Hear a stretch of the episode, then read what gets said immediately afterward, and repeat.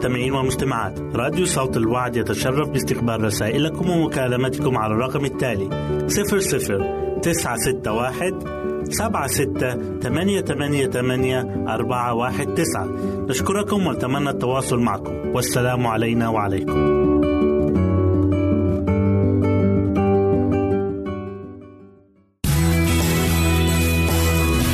يمكنك استماع وتحميل برامجنا من موقعنا على الإنترنت. www.awr.org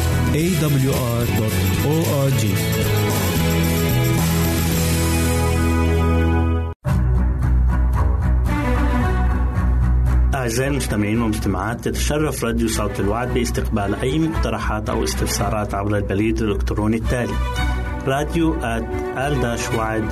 في مرة أخرى بالحروف المتقطعة R A D I O at A L شرطة W A A D نقطة تي في والسلام علينا وعليكم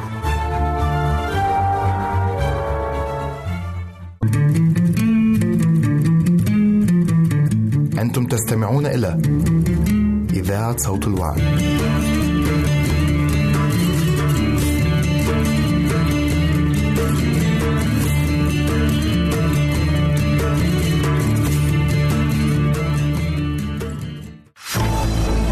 أعزائي المستمعين والمستمعات راديو صوت الوعد لا يكتفي بخدمتكم عبر الموجات الصوتية فقط بل وإنه يطرح لكم موقعا إلكترونيا يمكنكم من خلاله مشاهدة أجمل البرامج الدينية الثقافية الاجتماعية وغيرها من المواضيع الشيقة. يمكنكم زيارة الموقع من خلال عنوان التالي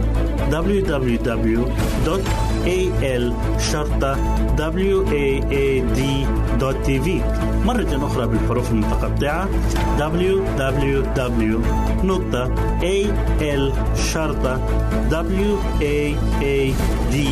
www.al-waad.tv والسلام علينا وعليكم.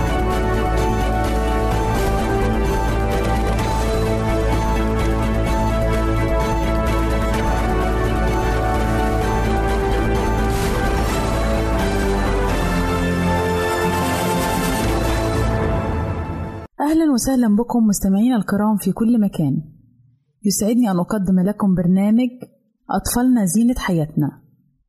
تكلمنا في الحلقات السابقة عن بعض العادات الرديئة، وحلقة اليوم بعنوان هل يرضع طفلك أصبعه؟ ولماذا لا؟ تقول الجدة: لم أرى في حياتي طفلا يرضع أصبعه ولم يكن طفلا جيدا، ولهذا لا أرى سببا لماذا لا يرضعه. إن الأطفال الذين يرضعون أصابعهم أطفال جيدون. إذا كنا نقصد بالجودة الهدوء وحياة الغباوة والوجود الساكن الباهت الخالي من العاطفة والمعنى. الجودة الناتجة عن التلهي والانشغال الجسدي المجرد. الجودة التي تحصل لا عن النمو العقلي والرغبة واللذة في الأشياء المحيطة بنا أو عن تنمية عادة ضبط النفس وتقوية العوامل الرادعة بل تلك التي تحصل عن فقدان اللذة في كل شيء. ما عدا ذلك الشعور الجسدي الخامل وقتل الوقت. إن الطفل الذي يرضع أصبعه لا يهمه من الأشياء التي حوله شيء ما بل يستغرق في رضاعة أصبعه وينشغل بها عما حوله. فيختنق فيه كل دافع للاستطلاع والتعلم ويفقد الطفل بالتالي كل لذة في العالم الخارجي. ولا شك أن هذه الحالة تعوق نموه العقلي وتؤخره بمقدار يتناسب مع انغماس الطفل في هذه العادة المضرة. النمو العقلي أفضل. متى بلغ الطفل درجة لا يهدئه شيء سوى التلاهي فإنه لا يبقى له وقت أو مجال للانتباه للعالم الخارجي. وهذه هي الهفوة التي نرتكبها نحن الكبار. إذ أننا نعتقد أنه يجب أن نضع قريبا من الطفل شيئا لا قيمة له ولا فائدة ليلهيه ويحفظه هادئا راضيا قنوعا. وهكذا إذا سرنا حسب هذا البرنامج فإنه لا يبقى للطفل لقضاء ساعات يقظته إلا أن يسلي ويلهي نفسه بنفسه. وأي شيء أفضل لهذه الغاية في نظر الكبار من رضاعة الأصبع بهدوء وسكون وخلو العقل من الحركة. وإذا كنت في شك مما نقول لاحظ ولدا بلغ السنة الرابعة أو الخامسة من عمره وهو يرضع أصبعه. أو ربما ولدا بلغ الحادية عشرة أو الثانية عشرة. فإنك لتجد أن تفكيرا من أي نوع كان يرافق هذه العادة التي تظهر مقبولة عندما يكون الطفل في الشهر الرابع. ولكنها على عكس ذلك تماما في الولد الذي بلغ السنة الرابعة من العمر. هذه هي أضرار العادة من وجهة تأخير النمو العقلي. ولكن هناك أضرار أخرى جسدية تنتج عنها حتما. قد لا يهمنا كثيرا ما يعتري أصبع الطفل من الهزال حتى تظهر كأنها طرف المغزل من جراء توقف نموها بسبب الرضاعة. ولكن لا نحب نحن الكبار أن نرى التشويه الذي يصيب أسنان الطفل. فمثلا جرب نفسك وارضع أصبعك مدة بضع دقائق ثم لاحظ على أي قسم من الفم يقع الضغط وحينئذ تدرك جيدا لماذا تبرز الأسنان إلى فوق وقدام ويرتفع سقف الفم إلى أعلى ثم لاحظ أيضا الضغط على جوانب الفم وعلى الفكين. حينئذ تدرك جيدا لماذا يتغير شكل الشفتين والفم والوجه عموما. بسبب هذا الضغط المتواصل عليها. ما يرافق هذه العادة؟ وهنالك برهان آخر على أن العقل يجمد مع هذه العادة. فمثلا تلاحظ أن الطفل يمسك أحرامه بطريقة خاصة لا يحيد عنها البتة عند عملية الرضاعة وآخر يلعب بشعره ويفتله بطريقة خاصة أيضا. وثالث يجذب طرف أذنه بحركة موقعة على عملية الرضاعة. ورابع يصر على القبض على شيء لين بينما يرضع أصبعه. قد تقول يا لها من قساوة هل نلطم يد الطفلة الصغيرة ونؤلمها؟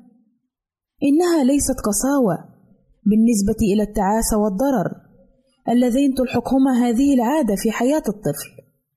وهل تقاس لدعت هذه اللطمة المؤقتة مع إنها قد تبكي الطفل بتلك الحالة المؤسفة الناتجة عن العادة المضرة؟ حالة التذمر الدائم والجدل دون فائدة. متى بلغ الطفل السنة الثالثة أو الرابعة من عمره؟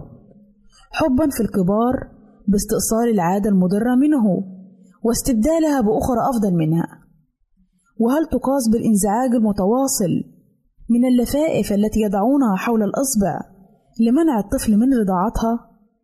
إن هذه اللفائف على أنواعها لها فائدتها إذا كانت العادة قد تأصلت جيدا في الطفل أو إذا كان الطفل يمارسها سرًا.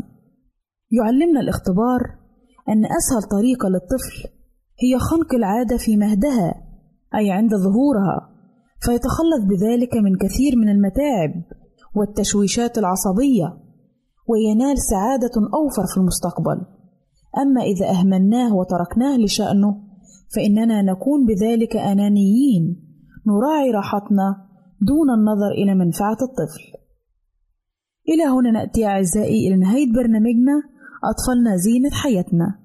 نسعد بتلقي آرائكم ومقترحاتكم وتعليقاتكم وإلى لقاء آخر على أمل أن نلتقي بكم.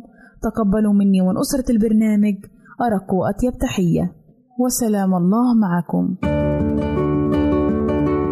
أعزائي المستمعين والمستمعات راديو صوت الوعد يتشرف باستقبال رسائلكم ومكالمتكم على الرقم التالي 00 961 سبعة ستة ثمانية ثمانية ثمانية أربعة واحد تسعة. نشكركم ونتمنى التواصل معكم. والسلام علينا وعليكم.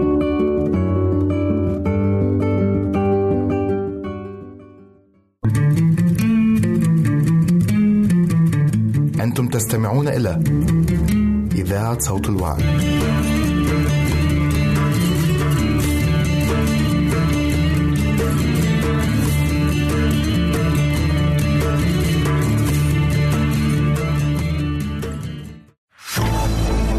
أعزائي المستمعين والمستمعات راديو صوت الوعد لا يكتفي بخدمتكم عبر الموجات الصوتية فقط بل وإنه يطرح لكم موقعا إلكترونيا يمكنكم من خلاله مشاهدة أجمل البرامج الدينية الثقافية الاجتماعية وغيرها من المواضيع الشيقة. يمكنكم زيارة الموقع من خلال العنوان التالي www.al-waad.tv مرة أخرى بالحروف المتقطعة. Www.al-waad.tv والسلام علينا وعليكم.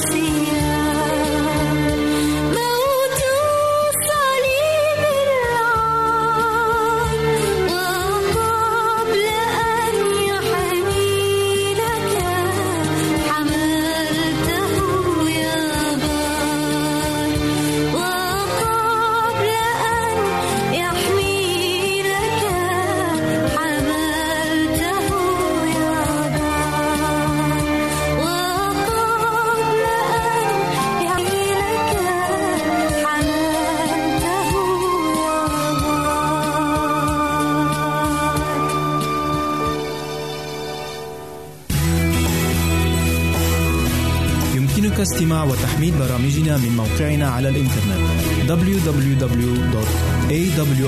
www.awr.org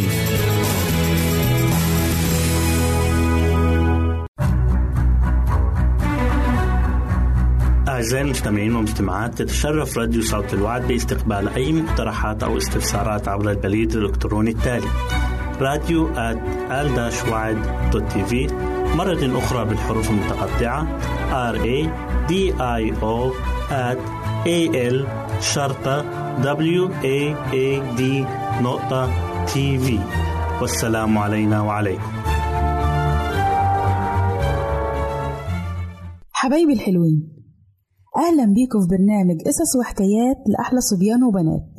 قصتنا النهاردة عن بنت اسمها حياة. في يوم من الأيام البنت حياة ديت صحيت من نومها وكان عليها إنها تستعد للمدرسة. يعني تلبس وتسرح شعرها وتجهز شنطتها للمدرسة. وكانت هي بتنام في الدور التاني فوق ومامتها كانت صحيت بدري في الدور الأولاني. وفجأة سمعت الأم خبيط وترزعها في البيبان وفي الأدراج وفي الدواليب. فالأم قلقت ونادت على بنتها مالك يا حياة؟ إيه الصوت ده؟ فراحت بصت ليها حياة كده من فوق السلم ووشها محمر كده والغضب والارتباك مالي وشها وقالت لها يا ماما أنا مش لاقية الجوانتيات بتاعتي. وعمالة أدور عليهم في كل مكان مش لاقياهم. أكيد في حد خدهم. وراحت بسرعة نزلت لتحت من غير ما تلاقي الجونديات بتاعتها. ولو ما عملتش كده كان أتوبيس المدرسة هيفوتها. وفي اليوم ده كان الجو برد وساقعة جدا ومشيت وهي بردانة من غير الجونديات فبعد ما مشيت الأم قالت في نفسها حياة بنتي ديت مهملة جدا. السنة دي ضيعت تلات جونديات وفي كل مرة تعمل لها ربكة في البيت. أنا لازم أحكي لها حكاية والدتي والجونديات بتاعتها. يمكن لما تسمع القصة ينصلح حالها. ولما رجعت حياة من المدرسة بدأت الأم تتكلم معاها عن القصص. وكانت حياة بتحب كل أنواع القصص. وقالت لمامتها احكي لي قصة. راحت الأم قالت لها هحكي لك قصة مامتي. اللي هي حكتها لي بنفسها. وأنا مش ناسيها لغاية النهارده. لما كانت أمي بنت صغيرة كانت عيلتها فقيرة. وكان كل فرد فيها لازم يشتغل. وكان والدي اللي هو جدي كان قاسي جدا في تربية الأولاد. وبيعتقد إن العقاب هو العلاج الوحيد لأي غلط أي حد فينا يعمله. وعشان كده كانت أمي مريم بتخاف منه جدا. وفي يوم من الأيام كانت أمي مازالت صغيرة وجدي بعتها عشان ترعى الغنم. وفي الوقت نفسه كان عليها إنها تاخد بالها من أختها الصغيرة. وكان الجو في اليوم ده برد جدا. فلبست أمي الجونديات بتاعتها عشان يدفوا إيديها. بعد ما قضت والدتي النهار كله ترعى الغنم وتعتني بأختها الصغيرة رجعت بالغنم للزريبة. بعد ما عدت الخرفان واحد واحد عشان تتأكد إن مفيش حاجة ناقصة منهم لأن هي عارفة لو حاجة ضاعت منهم عارفة باباها هيعمل فيها إيه. وبعد ما دخلت الغنمات الزريبة خدت أختها من إيدها ودخلتها. ومين فتح لها الباب؟ باباها فتح لها الباب. وراح دخل أختها الصغيرة وبص فيها كده لقي الجونديات مش في إيديها. بدل ما يقول لها شكرا عشان انت اشتغلتي النهارده كتير وتعبتي مع الغنمات واهتمتي بيهم. راح قال لها أمال فين الجونديات بتاعتك؟ ارجعي زي ما كنتي ودوري عليهم وما ترجعيش من غيرهم البيت. وإذا رجعتي من غيرهم العصا مستنياكي. فصرخت حياة كده. إيه ده يا ماما؟ يضربها عشان ضيعت الجونديات بتاعتها؟ فقالت لها مامتها آه يضربها. وكان على والدتي مريم إنها ترجع تاني في الجو البارد ده علشان تدور على الجونديات بتاعتها. وقعدت تدور في كل الحقول اللي كانت بتسرح فيها بالغنمات أحسن يكون وقع منها في أي مكان. وأخيرا بعد ما تعبت خالص وبدأت ترتجف من البرد قررت إنها تروح الزريبة بتاع الغنم. يمكن تلاقيهم هناك. وهي في محنتها ديت اتذكرت الله. وقعدت تصلي لربنا وتشكيله حالتها المحزنة. وقد إيه اشتغلت طول النهار باجتهاد وكانت بنته كويسة واعتنت بأختها واهتمت بكل الغنمات وطلبت من ربنا إنه يساعدها عشان تلاقي الجونديات بتاعتها لأنها كانت بتتألم جدا من البرد وفي نفس الوقت جعانة ومشتاقة جدا إنها ترجع البيت. فراحت ردت البنت حياة وقالت مسكينة جدتي كل ده حصل لها بسبب الجنديات قالت لها الأم آه كل ده حصل لها بسبب الجنديات تفتكري جدتك مريم بقى لقت إيه؟ بعد ما خلصت صلاة وخرجت من زريبة الغنم قالت لها مش عارفة يا ماما هتكون لقت إيه؟ وهي ماشية كده رفست برجلها حاجة ناعمة وبصت لقيتها الجونديات بتاعتها اللي كانوا ضايعين منها فرحت أخدتها وهي فرحانة ومبسوطة جدا وطلعت تجري على المطبخ واستقبلها باباها بالترحاب. وبعد ما فكرت حياة كده قالت لها تقصدي يا ماما إن أنا لازم أصلي لربنا عشان يساعدني إن أنا ألاقي الجونديات بتاعتي? قالت لها ده اللي حصل في الزمن اللي كانت عايشة فيه مامتك وهي صغيرة. لكن حياة قالت لها يعني الله بتاع الزمن القديم ما بيتغيرش. قالت لها لا الله لا يمكن يتغير. الله هو أمس واليوم وبكرة وإلى الأبد. قالت لها لو طلبت منه إنه يساعدك حتى في الأمور البسيطة في حياتنا ربنا هيساعدك. وده هيرفع الحمل عنك ويخليك ما تنزعجيش وما تقلقيش لأن الله دايما بيدبر الأفضل. قالت لها أنا هحاول أعمل كده يا ماما لو ده حصل لي مرة تانية. فردت عليها مامتها قالت لها إن تركنا كل الأمور بإيد ربنا هيساعدنا كتير. ممكن ما نلاقيش الحاجات اللي ضاعت مننا في الحال لأن ممكن ربنا يشوف إنه من الأفضل إنه يأجل استجابة الصلاة. لكن على كل حال لازم نعرف إن ربنا بيهتم بينا وهو معانا في كل مشاكلنا. وكل حاجة بيعملها ربنا هتعود علينا بالخير وبالنفع. وأتمنى يا حبايبي إن إحنا كمان نتعلم الدرس إن في كل أمور حياتنا نطلب مساعدة ربنا وربنا هيسمع لنا وهيساعدنا في كل أمور حياتنا. وبكده نكون وصلنا لنهاية قصتنا واستنونا في قصة جديدة من برنامج قصص وحكايات لأحلى صبيان وبنات. ربنا معاكم. أعزائي المستمعين والمستمعات راديو صوت الوعد يتشرف باستقبال رسائلكم ومكالمتكم على الرقم التالي 00 961 سبعة ستة ثمانية ثمانية ثمانية أربعة واحد تسعة. نشكركم ونتمنى التواصل معكم. والسلام علينا وعليكم.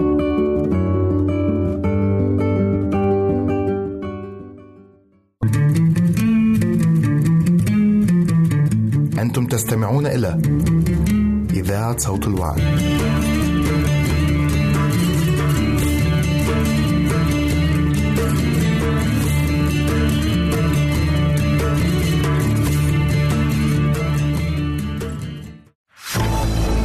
أعزائي المستمعين والمستمعات راديو صوت الوعد لا يكتفي بخدمتكم عبر الموجات الصوتية فقط بل وإنه يطرح لكم موقعا إلكترونيا يمكنكم من خلاله مشاهدة أجمل البرامج الدينية الثقافية الاجتماعية وغيرها من المواضيع الشيقة. يمكنكم زيارة الموقع من خلال عنوان التالي www.al waad.tv مرة أخرى بالحروف المتقطعة. www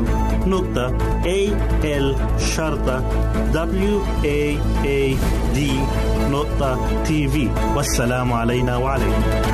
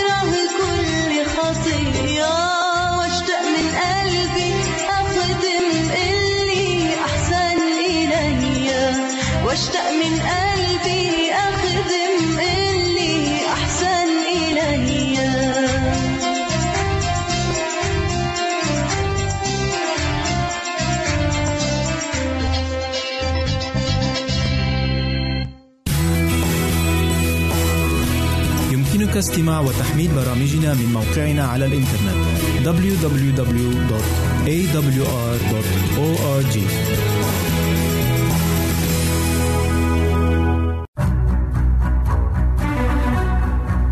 أعزائي المستمعين والمستمعات تتشرف راديو صوت الوعد باستقبال أي مقترحات أو استفسارات عبر البريد الإلكتروني التالي راديو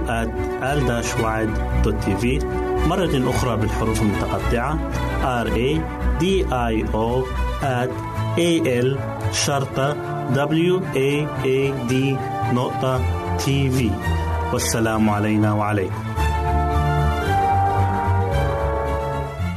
أيها المستمعون الكرام أهلا ومرحبا بكم في حلقة أخرى من برنامجكم العائلي بيتي جنتي بعنوان الأطفال المفرطو الحركة بحاجة لوقتك.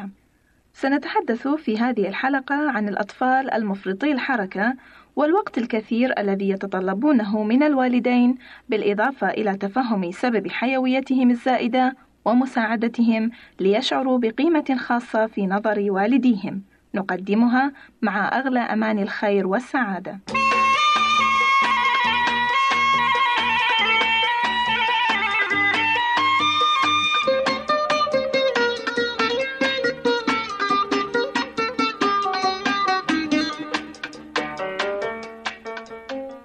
بعض الأطفال وخصوصا المفرطي النشاط والعصبيين هم بحاجة إلى مزيد من الوقت والرعاية من والديهم.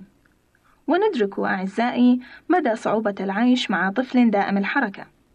ولكن الكثير من الإحباط مصدره عدم إدراك الوالدين أن مثل هؤلاء الصغار بحاجة إلى مزيد من الوقت والاهتمام. على الوالدين أن يدركا أنه بالرغم من حاجة كل الأطفال إلى الوقت غير أنه يوجد البعض منهم بحاجة إلى وقت أكثر من غيرهم. فكما ترون أن للصغار صفات تجعل من السهل أو من الصعب علينا العيش معهم. والأطفال الذين نعيش معهم بسهولة هم الذين لهم الرغبة في الانخراط في مكونات عائلاتهم وطرق معيشتها. ويميل مثل هذا النوع من الأطفال إلى الجانب الهادئ وغير المفرط في الحركة. فهم يتأقلمون مع الظروف الجديدة وتبدو على وجوههم السعادة وتعمل وظائف أجسامهم بانتظام ولهم فترات طويلة من التركيز والانتباه. وبالطبع يتوقع جميعنا أن يكون أبناؤنا من هذا النوع. ولكننا نصاب بالذهول عندما يكون أحد أبنائنا بعكس هذا النمط. وتصيبنا الصدمة لمقدار الوقت الذي نقضيه مع هؤلاء الأطفال المتعبين. وغالبا ما يكونون في حركة مستمرة. فهم جسورون ويصعب التعامل معهم ومعرضون للحوادث فالأطفال بحيويتهم الزائدة أو حركتهم المفرطة يحتاجون إلى الوقت الكثير والعناية الدائمة من قبل والديهم كي لا يؤذوا أنفسهم أو البيت أو الآخرين. ولإعطائكم فكرة عن نوعية الحياة التي يحياها مثل هؤلاء الأطفال، دعوني أخبركم بقصة ثلاثة من هؤلاء الأطفال المفرطي الحركة. لم يستطع سامي الخلود للنوم، وبدلا من ذلك كان يعيث في البيت خرابا. وعندما استطاعت يداه الوصول إلى مقبض الباب صار يذهب إلى خارج البيت ليكتشف المنطقة المحيطة ببيته. وقد وجده والداه القلقان عليه مرة يقف بملابسه الداخلية في منتصف الشارع. وفي مرة أخرى أدار عصارة الغسيل وجلس في داخلها. ولما بلغ السنتين من عمره طرد من الحضانة. أما الطفل الثاني شادي فكان على والديه أن يربطاه في كرسي عال من فرط شقاوته. ولكنه بالرغم من ذلك كان يدفع كرسيه إلى الجانب ويسقط أرضا. ولما ابتدأ في الكلام تدافعت الكلمات من فمه بحيث لم يستطع أحد فهم ما كان يقوله. وكان شادي كتلة من الرضوض نتيجة اصطدامه بكل ما كان بدربه. ولما صار عمره سبع سنوات خلع إبهام يده من مكانه وكسر ذراعه وأصيبت عظمة الترقوة مرتين بشرخ ووصفته أمه بالطفل الفاسد. أما سمير فكان رعب الجيرة حيث ركض خلف ابن الجيران بهراوة وفي مرة أخرى حاول أن يخنق بنتا صغيرة بحبل يستعمله الصغار للقفز. وقد طرد من ثلاث مدارس مع بلوغه التاسعة من العمر. وتقول أمه لم نستطع أن نأخذه إلى أي مكان ولم نستطع أن نبقيه بمفرده وظننت أني معه سأصاب بالجنون. أعزائي المستمعين ليس كل الأطفال بصعوبة السامي وشادي وسمير. ولكن ملايين من الوالدين في هذا العالم يتعايشون يوميا مع أبناء مهما فعلوا معهم فهم يتطلبون وقتا إضافيا وصبرا. فإلى الآباء والأمهات نقول إذا كان ابنكما مثل سامي وشادي وسمير ويشبههم في تصرفاته فلا داعي لليأس. لهؤلاء الصغار مميزات وشخصيات فريدة من نوعها. إنهم أبناء الله أيضا.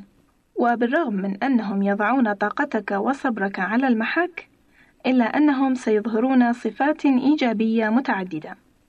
ولو أخذت أنت الوقت لتلاحظها فمثلا الكثير منهم موهوبون بذكاء ويظهرون مستويات عالية من الإبداع وبإمكانهم أن يكونوا أحيانا مرهفي الإحساس نحو الآخرين ويظهروا عاطفة وتوبة حقيقيتين على سلوكهم المزعج. لكن لا حيلة لهم للسيطرة عليه. فإذا كان لديك طفل صعب فلا تغضب للوقت الإضافي الذي تقضيه لتلبية احتياجاته. تذكر أنه بحاجة إلى المحبة والقبول مثل باقي الصغار وربما أكثر قليلا. أعزائي أسأل لكم ولي حكمة سماوية لنربي صغارنا بمحبة وصبر مدركين ثقل الحمل والمسؤولية. ولكن المجازاة ستكون عظيمة يوم نرى التغيير نحو الأفضل يملأ حياتهم وسلوكهم. دمتم للصبر والمحبة وفي سلام الله نستودعكم. كانت معكم أمل نبيل. أعزائي المستمعين والمستمعات راديو صوت الوعد يتشرف باستقبال رسائلكم ومكالمتكم على الرقم التالي 00 961 سبعة ستة ثمانية ثمانية ثمانية أربعة واحد تسعة. نشكركم ونتمنى التواصل معكم. والسلام علينا وعليكم.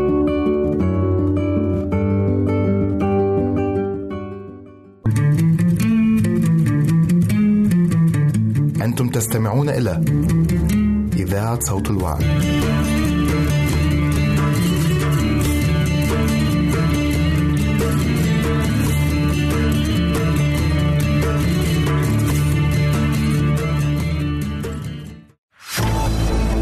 أعزائي المستمعين والمستمعات راديو صوت الوعد لا يكتفي بخدمتكم عبر الموجات الصوتية فقط بل وإنه يطرح لكم موقعا إلكترونيا يمكنكم من خلاله مشاهدة أجمل البرامج الدينية الثقافية الاجتماعية وغيرها من المواضيع الشيقة. يمكنكم زيارة الموقع من خلال العنوان التالي www.al-waad.tv مرة أخرى بالحروف المتقطعة www.al-waad.tv والسلام علينا وعليكم.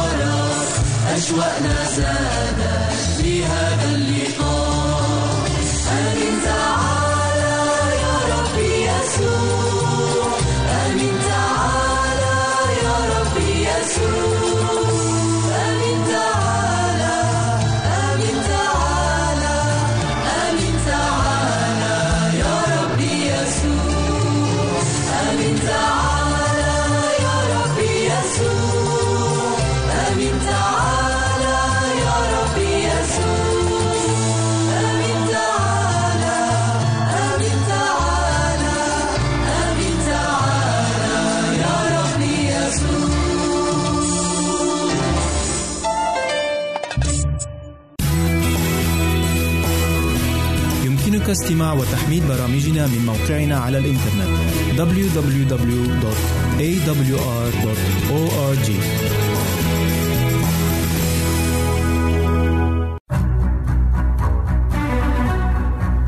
أعزائي المستمعين والمستمعات تتشرف راديو صوت الوعد باستقبال أي مقترحات أو استفسارات عبر البريد الإلكتروني التالي راديو في مرة أخرى بالحروف المتقطعة R A D I O at A L شرطة W A A D نقطة تي في والسلام علينا وعليكم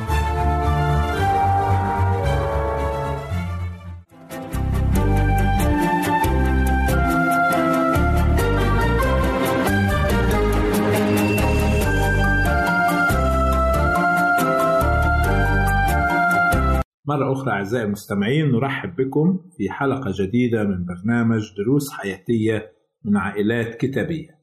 كنا قد تكلمنا عن عائلة إبراهيم وسارة وكيف أن إبراهيم كان يدرك بأنه تقدم السن بالنسبة له ولسارة كان سيمنع آه، إنجاب الأولاد ولكن كان له إيمان قوي بأن الله سيتمم وعده. أيضا نجد نقطة أخرى في عائلة إبراهيم. حيث نقرأ في تكوين أصحاح 15 يقول إبراهيم أنه ماضي عقيم ووارث بيته هو ألعازر الدمشقي. وهذه العبارة ماضي عقيم أو لم تعطيني نسلا. نفهم من النص المقدس أن هذا الموضوع كان سببا في حزن إبراهيم وكان يفكر فيه كثيرا. ومن الممكن أن سارة لاحظت على زوجها الحزن بسبب عدم الإنجاب فأشارت عليه بالزواج من هاجر لأنها شعرت بأنها هي السبب في هذه المشكلة لأن الكتاب يقول عن سارة أنها كانت عاقر لذلك عندما حبلت هاجر يقول الكتاب المقدس صغرت مولاتها في عينيها أي بدأت تنظر إلى سارة نظرة تعالي واحتقار. لذلك قالت لإبراهيم زوجها ظلمي عليك.